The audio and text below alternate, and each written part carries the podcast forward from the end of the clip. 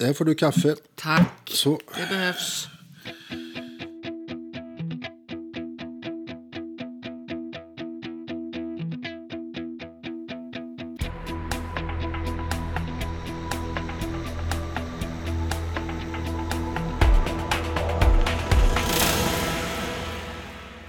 Det här är Peter och Maria. Det här är Peter och Maria. Ja du Peter. Vad ska vi prata om idag då? Ja, jag skulle ha god lust att prata om det här med det som kallas för avhumanisering. Avhumanisering. Ja, det vill säga att se på sina medmänniskor som icke-människor. Att plocka av dem deras värdighet och deras mänskliga status. Och någonting som ju är ett, egentligen ett växande problem, det är ju att vi har inte gjort oss kvitt det koloniala tänket. Vad tänker du på då? Vad menar du? Vi har det här i oss att vi är liksom, vi kan ta för oss, vi kan åka ut vart vi vill. Eh, vi på något sätt ska ha någon rätt att göra som tar för oss av det vi tycker. Men f- Gud nåde och fan den som kommer hit och kräver samma sak liksom. Vi har den här obalansen i hur vi tänker. Vi är fortfarande vita europeer.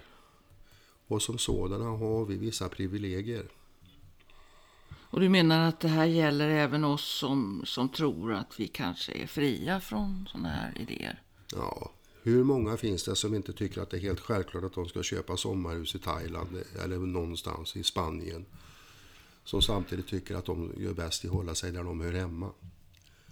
Som inte vill ha hit folk till Nej. Sverige? Men att de ska röra på sig till deras land, det är helt självklart.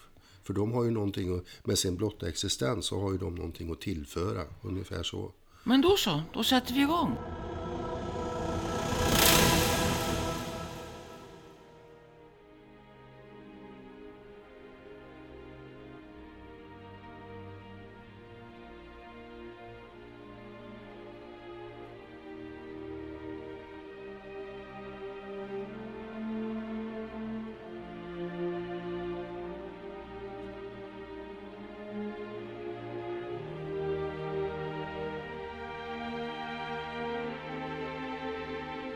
Vill sälja sin kropp till mig. När jag inte vill köpa hennes ring i fejkat guld bjuder hon mig sin kropp. 50 spänn. En ung vacker romsk kvinna och några steg bakom henne någon som jag förmodar är hennes lilla syster. Slitna, prisgivna åt försynens allmosor. Förnedrade, det är klart. Hon säljer sig själv billigare än vad hon begär för krimskramsringen i fejkat guld. 50 spänn. Jag försöker förklara för henne, men vi förstår inte varann. Jag tecknar åt henne att vänta kvar, går in i kassorna för jag måste växla till med kontanter. Från kön till kassan ser jag dem där utanför genom det tjocka fönsterglaset. Som om Charles Dickens skrivit manus. Jag går ut igen, nu med en hundralapp i näven. Här, ta den här, vill jag säga till henne. Behåll din ring, behåll din värdighet. Någonting sånt tänker jag säga. Men de är borta. Du ska inte ge dem där några pengar. De har det bättre ställt än våra pensionärer. Rösten hörs bakom mig. Där står han, en av alla dessa inventarier en sån här liten och gammal stad är möblerad med. Där står han, nästan som Scrooge, kommen ur dimmorna. Det viktiga är inte vad jag svarar denne inskränkt enfaldige man. Det viktiga är världarna, där vår verklighet möter Charles Dickens och inte förmår se den. Och han går hem till sitt och jag går hem till mitt. Och den unga kvinnan och hennes förmodade lillasyster får fortsätta trotsa kyliga vindar och försöka sälja det enda de har till lägstbjudande. Känner ni sorgen?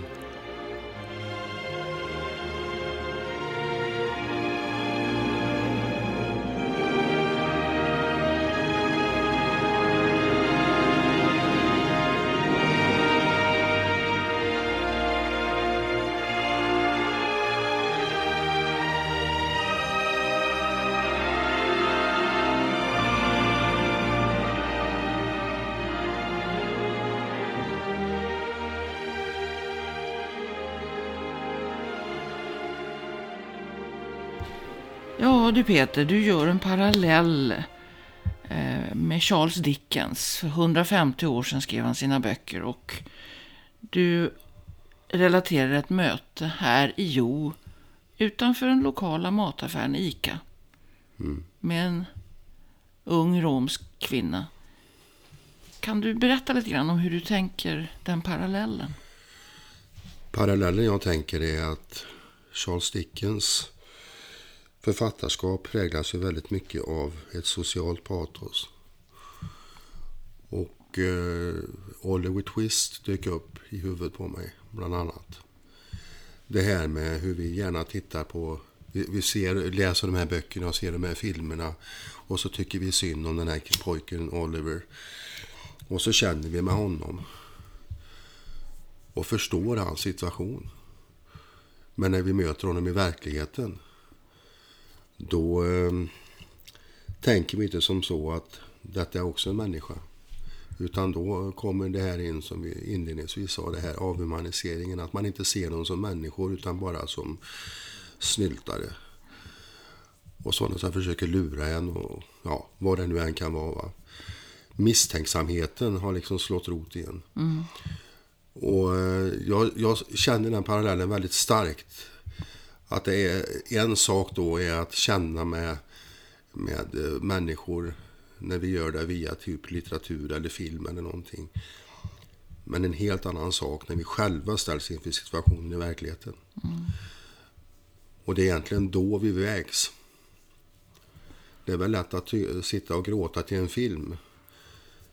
Men få fram den känslan i verkligheten för att vi verkligen känner med våra medmänniskor. Det är någonting helt annat. Kan man se ett sånt här möte som en sorts test? Ja, jag tycker att det är så att vi, vi vägs hela tiden egentligen i våra möten. Jag var med om en annan sak som man kommer att tänka på vid eh, centralstationen i Göteborg. Jag satt där och väntade på tåget inomhus. Och då kommer det en eh, eh, kvinna i samma situation som hon egentligen. Och nu kommer jag inte ihåg, ärligt talat, om hon tiggde pengar eller om hon försökte sälja någon tidning eller någonting. Jag kommer faktiskt inte ihåg det, men det var någonting sådant. va. Och jag hade inga pengar eh, alls, inga kontanter, så jag tackade vänligen men med ett litet leende nej. Eh, och liksom, du vet, klappa sig på fickan för att hon skulle förstå att det inte är av snålhet utan att jag har faktiskt inga pengar. Så gick hon vidare. Eh, och jag kände väl samtidigt att det där leendet jag gav henne, det var också en sorts betalning för att det verkar som de inte får den där leendena så det är jätteofta. För mannen som satt liksom ett par meter bort bemötte henne med ett helt annat, en, en helt annan attityd. Och jag kände så här liksom, det där föraktet som finns hos en del människor. Vad gjorde han? Ja, alltså han... Kan säga så här, han gjorde nog kanske det värsta. Han, han bara tittade inte ens på henne, bara viftade bort henne som om hon inte fanns. Som om hon inte existerade. Och eh, jag kände liksom att det, för mig var det djupt stötande. Därför att då hade det varit bättre nästan att han hade sagt någonting till henne. För då har man så att säga något substantiellt att ta på. Mm. Men han gjorde inte det. Och jag min vana trogen gick ju och reste mig upp och sen ställde jag mig framför honom och la händerna i kors och bara glodde på honom. Till han kände sig väldigt obekväm. Jag sa alltså ingenting utan jag bara tänkte som så att nu ska jag titta på dig. Din jävla gubbtjuv. Ungefär så. Mm. Det var mitt sätt att bemöta honom. Mm. Och sen gick jag. Jag markerade på ett sätt alltså att mm. det här var inte okej. Okay. Mm. Men jag kan väl känna det liksom att det där finns hela tiden omkring oss. För det kostar så lite att bemöta en människa med respekt. Det kostar ingenting.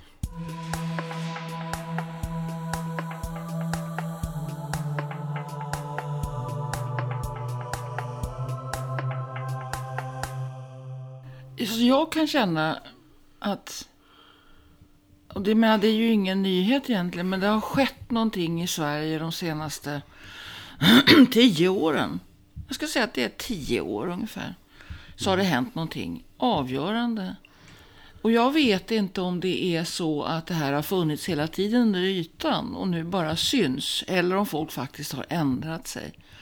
Men någonting är det som gör att, eh, att det här föraktet är tydligare. Det märks mer. Ja, det gör det. Jag tror att det är, att det är som är... Nu ska jag dra en hemsk eh, parallell kanske, men jag, jag, jag, kan känna ibland att, för jag föraktar det så mycket, va, att jag kan känna att det är som en, att det är som en likmask. Mm. Den finns inte förrän du dör så att säga. Mm. Men då aktiveras den. Och det är likadant med de här ruttna eh, inställningarna till sina medmänniskor. Det ligger som en sorts latent någonstans. Och så i rätt situation, då vaknar det. Det är därför en del människor kan bli fullständigt, eh, för, alltså i en fel situation, kan bli totalt eh, förändrade. Medan en del människor tar allting med jämnmod. Alltså sådär med vänlighet och mjukhet. Och jag tror att det där är någonting, och då kommer hela tiden in på detta, att det är därför det är så enormt viktigt att man hela tiden jobbar med sig själv. Mm. Att leva är en sorts resa där man uppfostrar. Det slutar inte med att man slutar vara barn. Mm.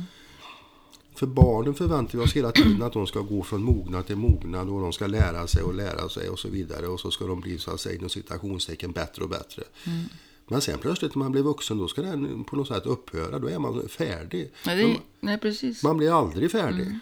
Jag tycker det är så fascinerande därför att en av de saker som jag har lärt mig under min resa är ju det här att det finns eh, i så att säga, den antika filosofin så finns det ett, ett uttryck som är att man måste odla sin mänsklighet.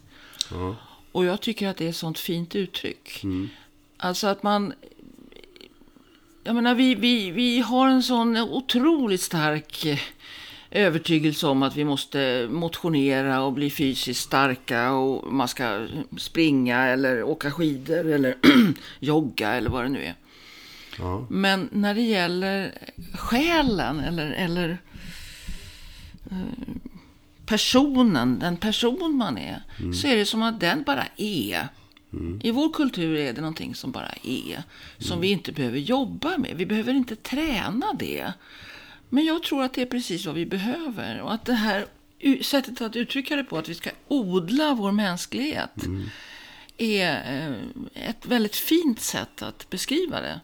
För att eh, då är det precis som du säger, att man i ett möte med en annan människa eller en situation där någonting händer så prövas man mm. och man får en chans att också odla vad det är att vara människa. Det skulle ju vara tacknämligt för människor, eller om människor kunde tänka sig in i situationen, bara rent hypotetiskt, att en dag kanske jag står där. Hur vill jag då bli bemött? Vill jag bli liksom föraktad och pissad på och, och snäst åt och så vidare? Eller hur vill, hur vill, man, hur vill jag att människor ska vara mot mig? Mm. Och det där är ju den här levnadsregeln som finns i alla eh, religioner och olika filosofier fast det uttrycks på olika sätt. Va? Mm. Att när man vill att andra ska göra mot en själv ska man göra mot dem. Mm. tycker det är ganska självklart. Vad ser du för exempel då i vår, vår så att säga, de senaste dagarna på det här med att eh, avhumaniseringen, att folk slutar se människor som människor utan som djur eller, eller något annat? Ja, jag tänker på, rent spontant kan jag tänka på ett par olika saker. Jag var inblandad i en, i en diskussion på Facebook till exempel. Där någon skrev att, eh, eh som, som hon uttryckte sig, zigenare. Eh, det var ju bara ett jävla pack. Som bara liksom skäl och, och snyltar och grejer. Va? Det var liksom bara rakt av på det sättet. Så, va? Och det där tror jag att hon var inget unikum. Mm. Utan jag tror att väldigt fler än vad vi kanske tror går och bär på den känslan. Men är det verkligen en känsla? Ja, du menar liksom, ja, men just den här känslan av att när man ser en, en romsk människa så automatiskt kommer det här upp. Liksom, mm. Att nu gäller det att hålla grejen här för att de skär som mm. skater. Och det är ju, jag vet inte, det kanske inte, det är ju inte bara en känsla givetvis, utan det är också en jävla Jag vet, fördel. vi hade ju en diskussion en gång för länge sedan, en middag vi hade här hemma. Ja, Där det var en kvinna som uttryckte precis det där. Och när jag blev arg och sa att så där säger du inte i mitt hem. I vårt hem säger man inte så, det gör man inte. Nej. Då sa hon att eh, det här är en känsla som jag har. ja, Och jag svarade då, nej, det där är inte en känsla. Det är en åsikt som du jag tar har, som är en. Du fördom, som är en fördom och som är en, en, en ren dumhet. du har ju helt rätt givetvis. Det är klart att det är så. Alltså det, det är på något sätt en sorts reträttväg att säga ja, men det är bara en känsla som jag har. Och jag tycker att det är viktigt att syna det påståendet. Va? För det är inte bara en känsla. Nej. Det är en, en, en åsikt, en uppfattning om sakernas tillstånd. Som för det första är fel. Och som för det andra är baserad på en massa förutfattade meningar och generaliseringar. Och som dessutom bäddar för den här typen av förakt som vi pratar om. Där du helt plötsligt kan reducera människor till lägre stående. Ja, vi har ju, och vi har ju hela tiden vant oss vid eh, att dela in människor på det här sättet. Och det är så försåtligt. Va? Det har vi gjort både män och kvinnor. På samma sätt som vi män växer upp med en syn på kvinnor som är inte vad vi kanske egentligen tycker utan vi har attityder som vi bär med oss som vi inte ens märker. Sådana attityder har vi alla. Ja, det har vi. Och det ska vi vara med, man ska vara medveten om att det är så. Att man liksom, ingen är, ingen är fri Nej. från det. För det är det vi har växt upp med. Och vi kan inte, vi kan aldrig svära oss helt fria. Det är därför också, som jag ser det, så är det ju så viktigt att vi odlar vår mänsklighet. och att vi också ibland är beredda att säga som du gjorde nu. Ja, jag hade fel. Ja, det, det är viktigt att inse det, att det gör vi alla. Hela tiden. Men att vi också kan säga då, ja det var dumt. Det där... Och, och, och en sak som jag ofta tänker på det är det här att det finns en uppdelning då att det vill säga antirasister och, och så ra- rasister eller folk med fördomar och folk som försöker vara fördomsfria och så vidare. Va? Eh, ungefär som att det vore något jäkla folkslag man tillhörde. Att det vore medfött. Det är ju så att det är ju en kamp. Det finns väl gånger där jag känner så här att det var då själva fan liksom och så bara får man ploppar upp någon fördom om, om någonting va. Eh, och så får man tänka som så, nej du ska inte tänka så. Försök nu att se saken i ett helt annat perspektiv. Att man får så att säga man får smälla sig själv på fingrarna.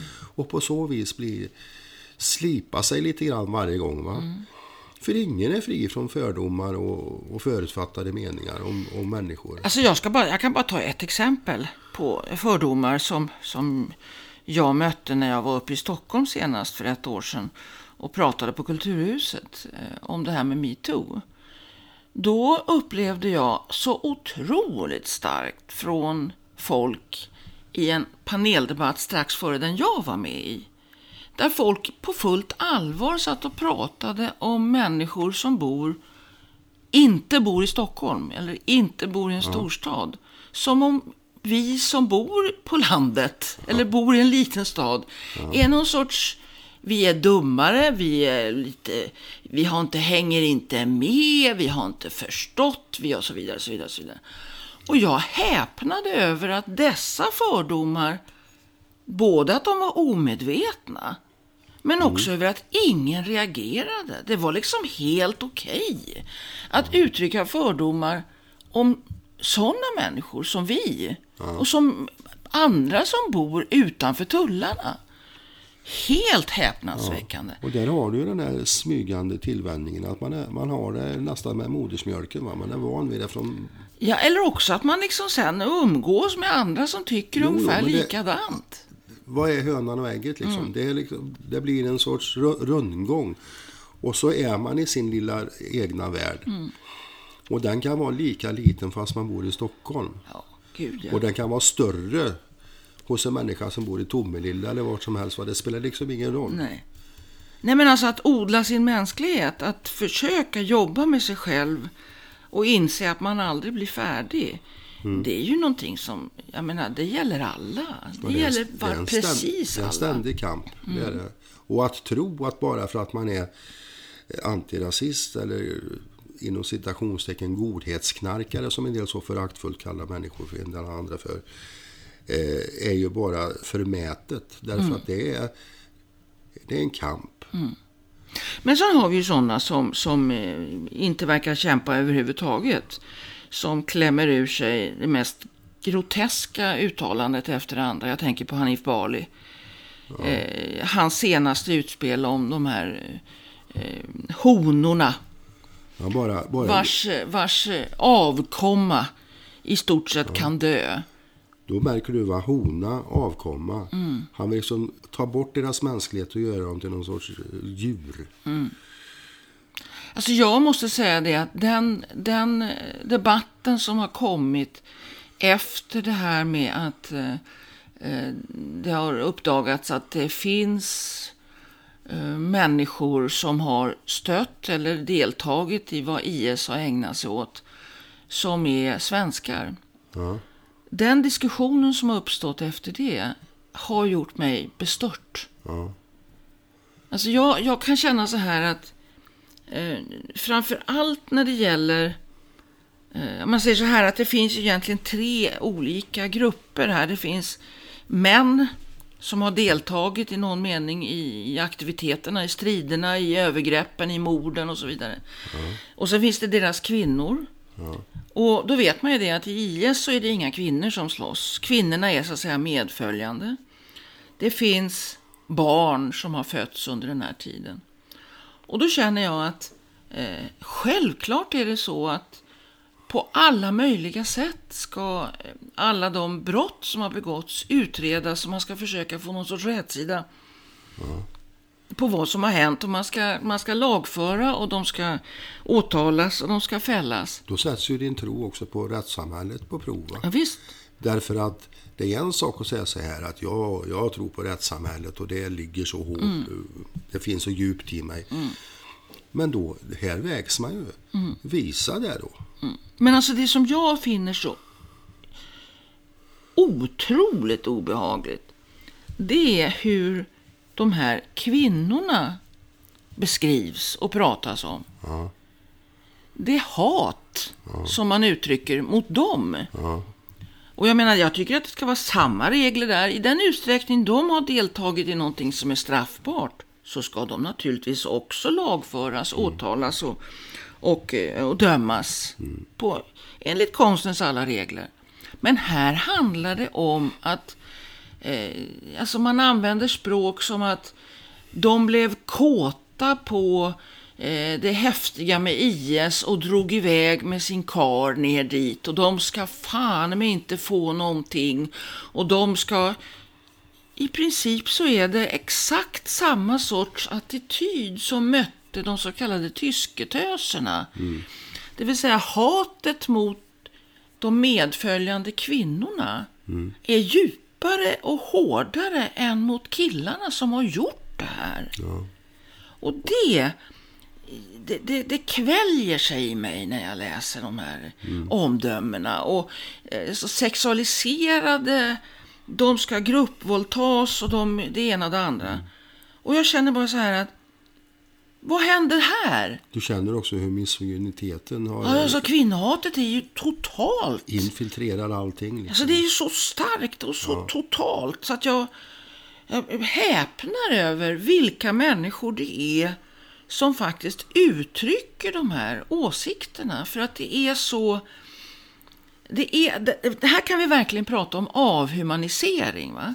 Alltså jag tror också det att eh, vi vet alla att i till exempel Iran så eh, avrättas människor offentligt. De hängs upp i, lyftkranar eller lyktstolpar för att de till exempel är homosexuella. Det tycker vi alla är fruktansvärt och vi tycker att det är fel och det är inte värdigt ett rättssamhälle och så vidare och så vidare. Men det jag skulle vilja veta då det är vilka är det som de här människorna tycker man borde hänga upp i lyktstolpar? Ja.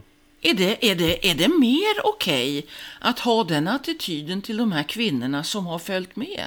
Nej, det är, Är de, ska de behandlas på samma sätt? nej, vi kan ju inte alla ha varsitt finspång. Nej. Nej. Det går ju liksom inte.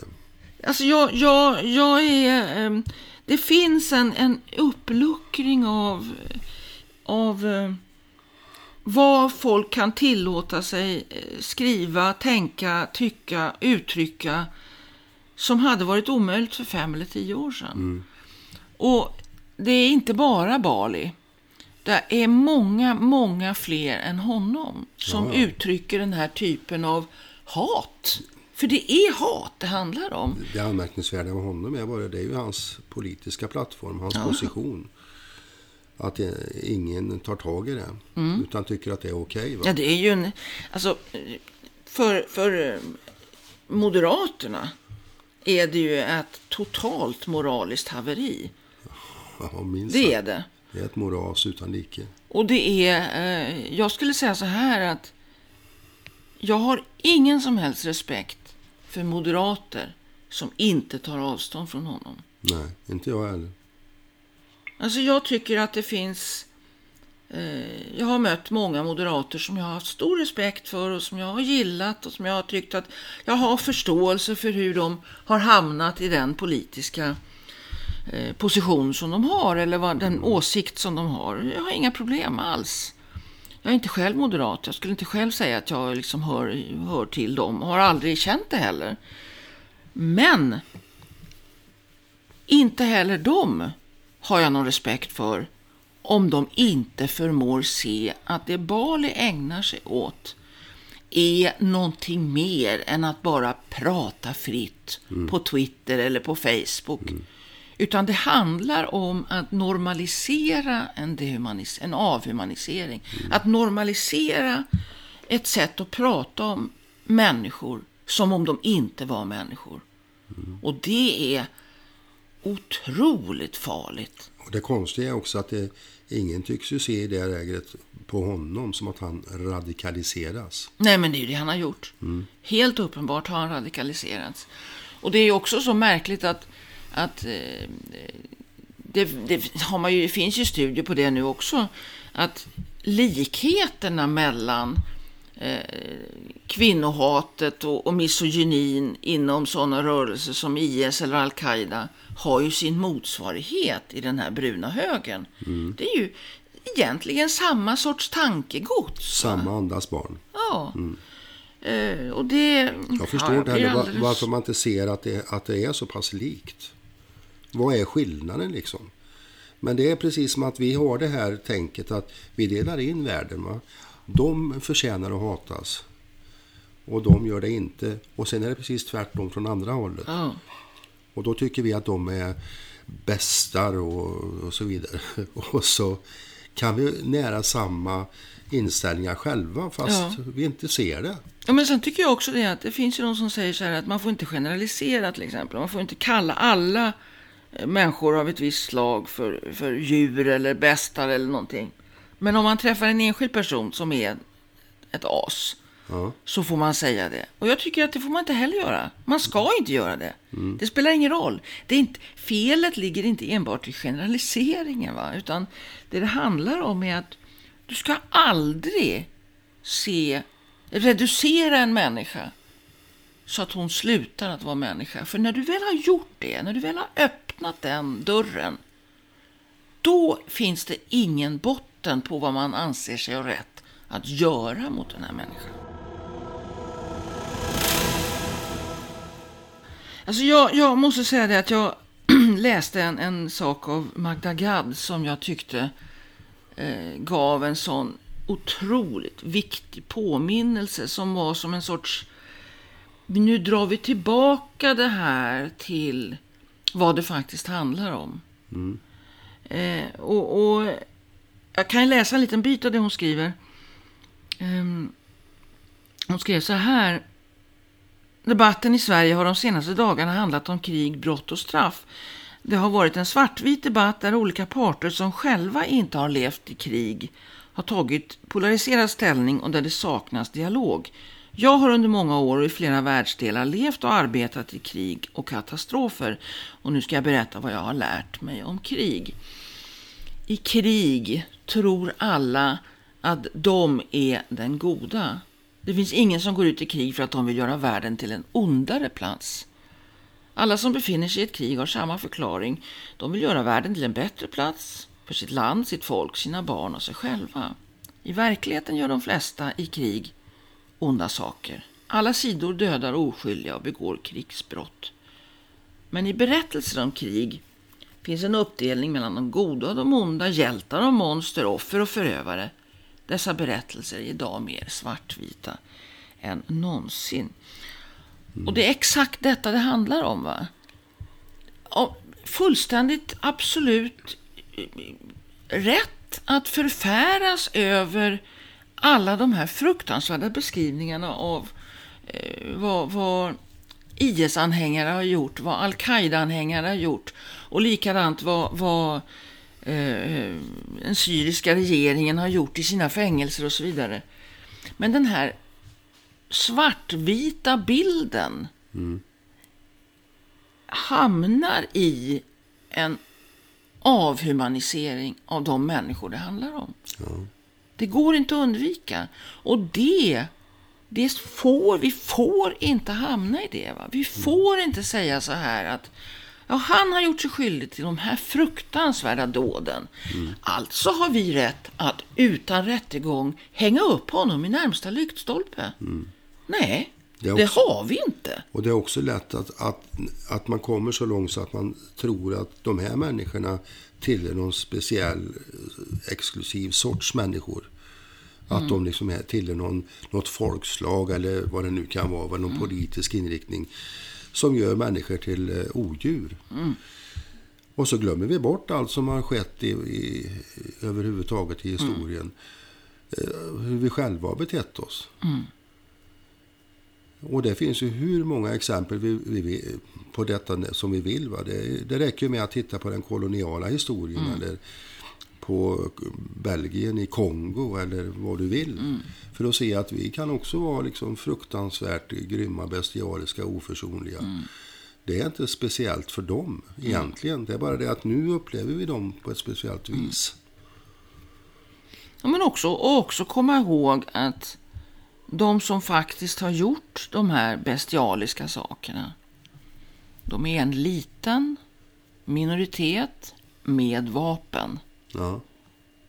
Det har aldrig varit ett helt folk eller en hel folkgrupp.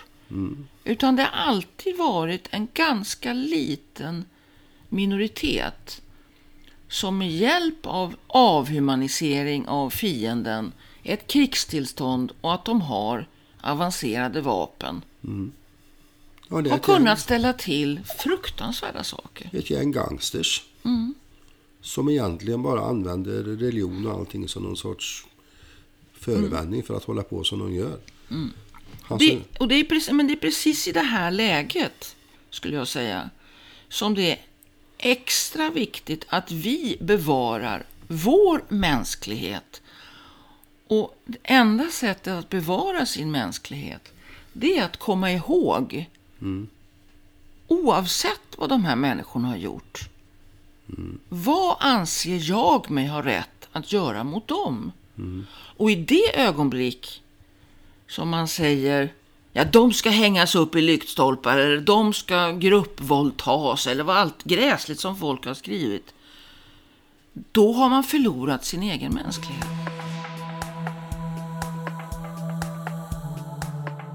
Vedergällning är ju mänsklighetens sämsta krydda. Mm. Så att jag tror att, jag tror att eh, vi ska komma ihåg eh, det finns en fantastisk bok som alla som inte har läst den borde läsa. Av Primo Levi. Mm. Den heter Är detta en människa? Mm. Och det är hans självbiografi kan man säga. Eller en biografi över hans eget hans tid i Auschwitz. Eh, och det är en poetisk och, och gripande och mycket djuplodande skildring av vad som händer när människor slutar se andra människor just som människor. Ja. När de reduceras till någonting annat som man kan göra vad man vill med. Det är en bok som är... Eh, man förändras av att läsa den. Och det är inte en, en, en, liksom en läskig bok eller en snaskig bok. Eller en, utan det är en bok som, som eh, griper tag. Och som är mycket, mycket, mycket klok. Och den, dess kärna är just detta. I det ögonblick vi slutar se andra människor som människor. Då har vi förlorat vår egen mänsklighet. Peter och Maria kollar fakta. Peter och Maria kollar fakta. Då och då så kommer jag och Peter att återkomma till det här med faktakoll. Och i det här samtalet som jag och Peter hade så nämnde jag en text av Magda Gad. Det visar sig nu att, eh, här fick vi påpekat för oss eh, via Facebook, Facebookvänner, att den där texten av henne är nog inte helt hennes egen. Det visar sig att eh, innehållet i den där texten är i stort sett helt och hållet taget från en intervju med en före detta CIA-agent som heter Amaryllis Fox. Den intervjun gjordes 2016. Eh, jag tänkte nu, eh, vi ska få lyssna på en liten bit ur den här intervjun och sen följer min översättning av Amaryllis Fox ord if I learned one lesson from my time with the CIA, it is this everybody believes they're the good guy. Om jag lärde mig en sak från min tid inom CIA så är det följande. Alla tror att de är de goda. Jag arbetade över hela världen med terrorismbekämpning och den hemliga underrättelsetjänsten inom CIA i nästan tio år. Den diskussion som just nu pågår i USA rörande IS och USAs utrikespolitik är mer överförenklad än någonsin. Fråga de flesta amerikaner om de tror att IS utgör ett existentiellt hot mot vårt lands säkerhet och de kommer att svara ja. Och där tar samtalet slut. Om du går längs en gata i Syrien eller Irak och frågar vem som helst varför USA släpper bomber så kommer de att svara de för krig mot islam. Och om du frågar människor i USA varför vi blev attackerade den 11 september så får du svaret de hatar oss för att vi är fria. Detta är berättelser som är skapade av en mycket liten grupp människor på båda sidor som har skap- skaffat sig stor makt och rikedom genom att övertyga oss andra att fortsätta döda varann. Jag tror att den fråga vi måste ställa oss som amerikaner som undersöker vår utrikespolitik är om vi inte häller bensin på en eld. Det enda sättet att verkligen avväpna en fiende är att lyssna på honom. Om du lyssnar, om du är tillräckligt modig för att verkligen lyssna på deras berättelse så kan du komma att inse att du kanske skulle ha gjort samma val om du hade levt deras liv istället för ditt eget. Under en debriefing gjorde en man från Al-Qaida följande poäng.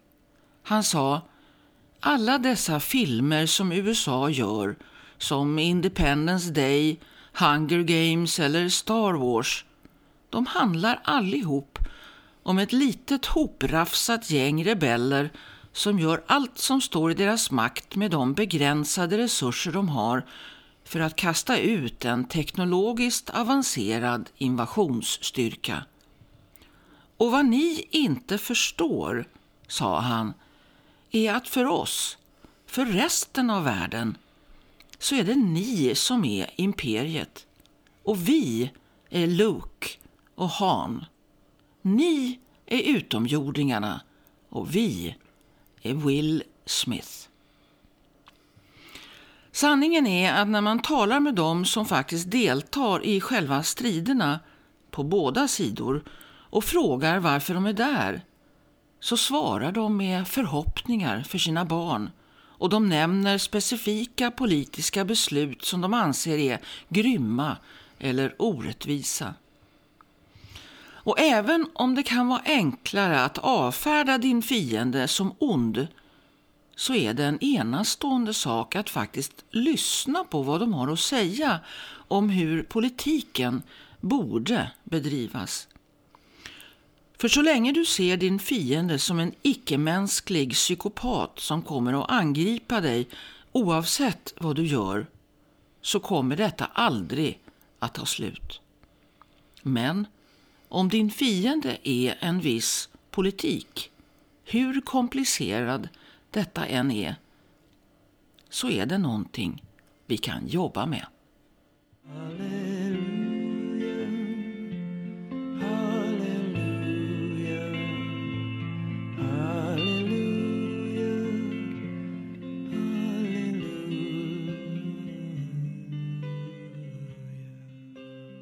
Ni är ju överens, Moderaterna och Sverigedemokraterna, om att kulturella särkrav inte ska förekomma i kommunens verksamhet. Mm. Det gäller till exempel ritualslaktat kött, kosher och halal eh, som judar och muslimer då äter. Eh, men har ni serverat det här förut? Nej, det hoppas jag inte att vi har. Jag tror inte att vi har det heller.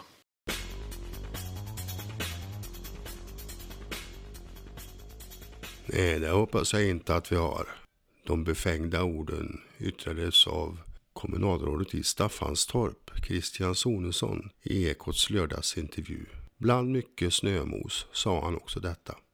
Och det är ju lite anmärkningsvärt att det här inte har väckt större uppseende tycker jag. Ja, han säger ju bland annat det att när hon frågar om det har serverats så säger han det hoppas jag inte. Det här måste ju betyda att eh, judiska barn, muslimska barn är inte välkomna att bo i Staffanstorp. Nej. Jag undrar om det här ens är, är lagligt. De ska inte, i alla fall inte, ska de, ska de inte ha rätt att äta någonting. Eller också får de ändra sig till eh, Staffanstorpska matvanor. Alltså jag måste säga det att det här är, dels så är det ju den gamla vanliga islamofobin naturligtvis. För att jag menar, har man den minsta kunskap om hur de här, den här slakten går till så vet man ju att det är ju som, det finns ju i sak ingen som helst skillnad. Möjligen är det lite mer, eh, eh, så att säga, djurvänligt. Ja, de välsignar ju köttet. Ja, om nu det är så hemskt rituellt. Mm. Jag vilja... Men alltså jag tycker också att det som är konstigt här det är ju att eh, det här, i min värld så är det här antisemitiskt. Ja. Det här är en tydligt antisemitiskt beslut. Ja, hon nämner korser och han säger det hoppas jag inte. Det hoppas jag verkligen inte att vi har gjort. Serverat korsermat. Mm. Det är i praktiken så betyder det att han hoppas verkligen att det inte har förekommit några judiska barn mm. på någon skola i Staffanstorp. Det konstiga är att han, är, att han fortsätter att vara kvar i Moderaterna därför att han är betydligt mer extrem, tycker jag. Ja, han låter mer som en sverigedemokrat, det är ju uppenbart. Absolut. Han låter verkligen som en, eh, han är en trojansk häst mm. kanske i Moderaterna. Men jag menar, man pratar väldigt mycket om eh, att det skulle förekomma antisemitism i Malmö. Det har ju diskuterats av och till. Eh, och framförallt då har man sagt att eh, i vissa muslimska grupper i Malmö så finns det antisemitism och man har pratat om skolorna och så vidare. Men det här har inte lyfts fram. Nej. Är det verkligen acceptabelt att man på det här sättet så tydligt säger att barn, muslimska barn eller judiska barn är inte välkomna i Staffanstorp. Mm. Jag tycker det är hårresande. Ja, det är det verkligen. Det är verkligen hårresande.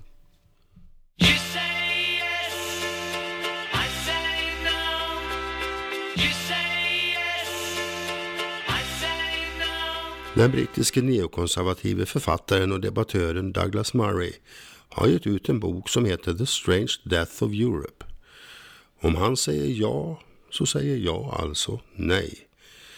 Det här är riktig rappakalja och snömos med extra allt. Han hävdar att Europa står inför en citat existentiell trötthet och att vi, det vill säga förmodligen vita europeer, bör förhålla oss till vad Europa är. Hur påverkar invandringen och flyktingströmmarna från utomeuropeiska nationer vad Europa är? Jo då, för det är så att Europa håller nämligen på att dö, förlora sitt egenvärde. Allt enligt denna neokonservative tänkare. Men hörni, det här är samla gamla populistiska genvägar genom mångkulturens fiendeland som vanligt. Fast han försöker intellektualisera budskapet och föra upp det på en mer rumsren nivå. Jag säger dock som Erik här hemma. Eh, tack men nej tack. Det är så uppenbart att denne Murray ser på världen med vita ögon och att det koloniala tänket lyser som en gloria runt hans huvud. Och lite arrogant konstaterar han dessutom att om han har fel, då är det ju bra. Ingen skulle liksom bli gladare än han. Men om han har rätt, ja det är ju här han underförstått vill klappa oss menande på axeln och flika in att det är ju det han har. Fast det kanske vi inte riktigt begriper. Europa är en no-go-zon för de som inte tillhör denna kontinent, denna kulturella högborg. I alla fall inte för något annat än för window shopping. Europa tillhör oss och muslimerna, ja det är ju som vanligt de, och även andra kommer hit och förstör vårt identitetsbyggande. Vi som hade det så bra.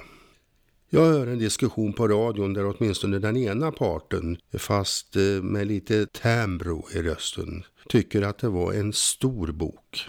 Sånt här rasistiskt och kolonialt dravel bör helst ligga lika nedgrävda som de djupfrysta kropparna på Spetsbergen de som eventuellt bär på spanska sjukan-viruset.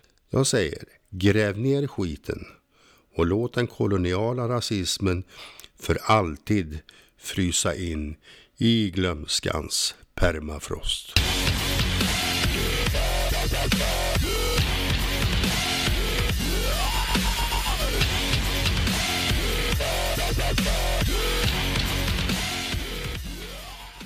Det är inte bara därför att Sokrates har sagt det, utan också därför att det är min verkliga eh, och kanske något överdrivna mening som jag hävdar att alla människor är mina landsmän. Jag älskar en polack lika mycket som en fransman och rangordna det nationella bandet under det universella och gemensamma. Jag är inte särskilt förtjust i hemtraktens luft. Helt nya bekantskaper som är mina personliga är för mig minst lika värdefulla som sådana vanliga tillfälliga bekanta man får bara för att man bor intill varann. Vänner som vi skaffar oss helt på egen hand överträffar i regel sådana som vi får därför att vi bor under samma luftsträck eller är släkt med varann. Naturen har satt oss till världen fria och obundna. Och sen låser vi in oss i vissa snäva små områden, precis som perserkungarna. De ålade sig att aldrig dricka annat vatten än det i floden Choaspes. Och därmed avsade de sig enfaldigt nog sin rätt att nyttja alla andra vatten och torrlade hela den övriga världen för sig själva. Det skrev Michel de Montaigne 1585. Vi hörs nästa vecka. Spring och skrik!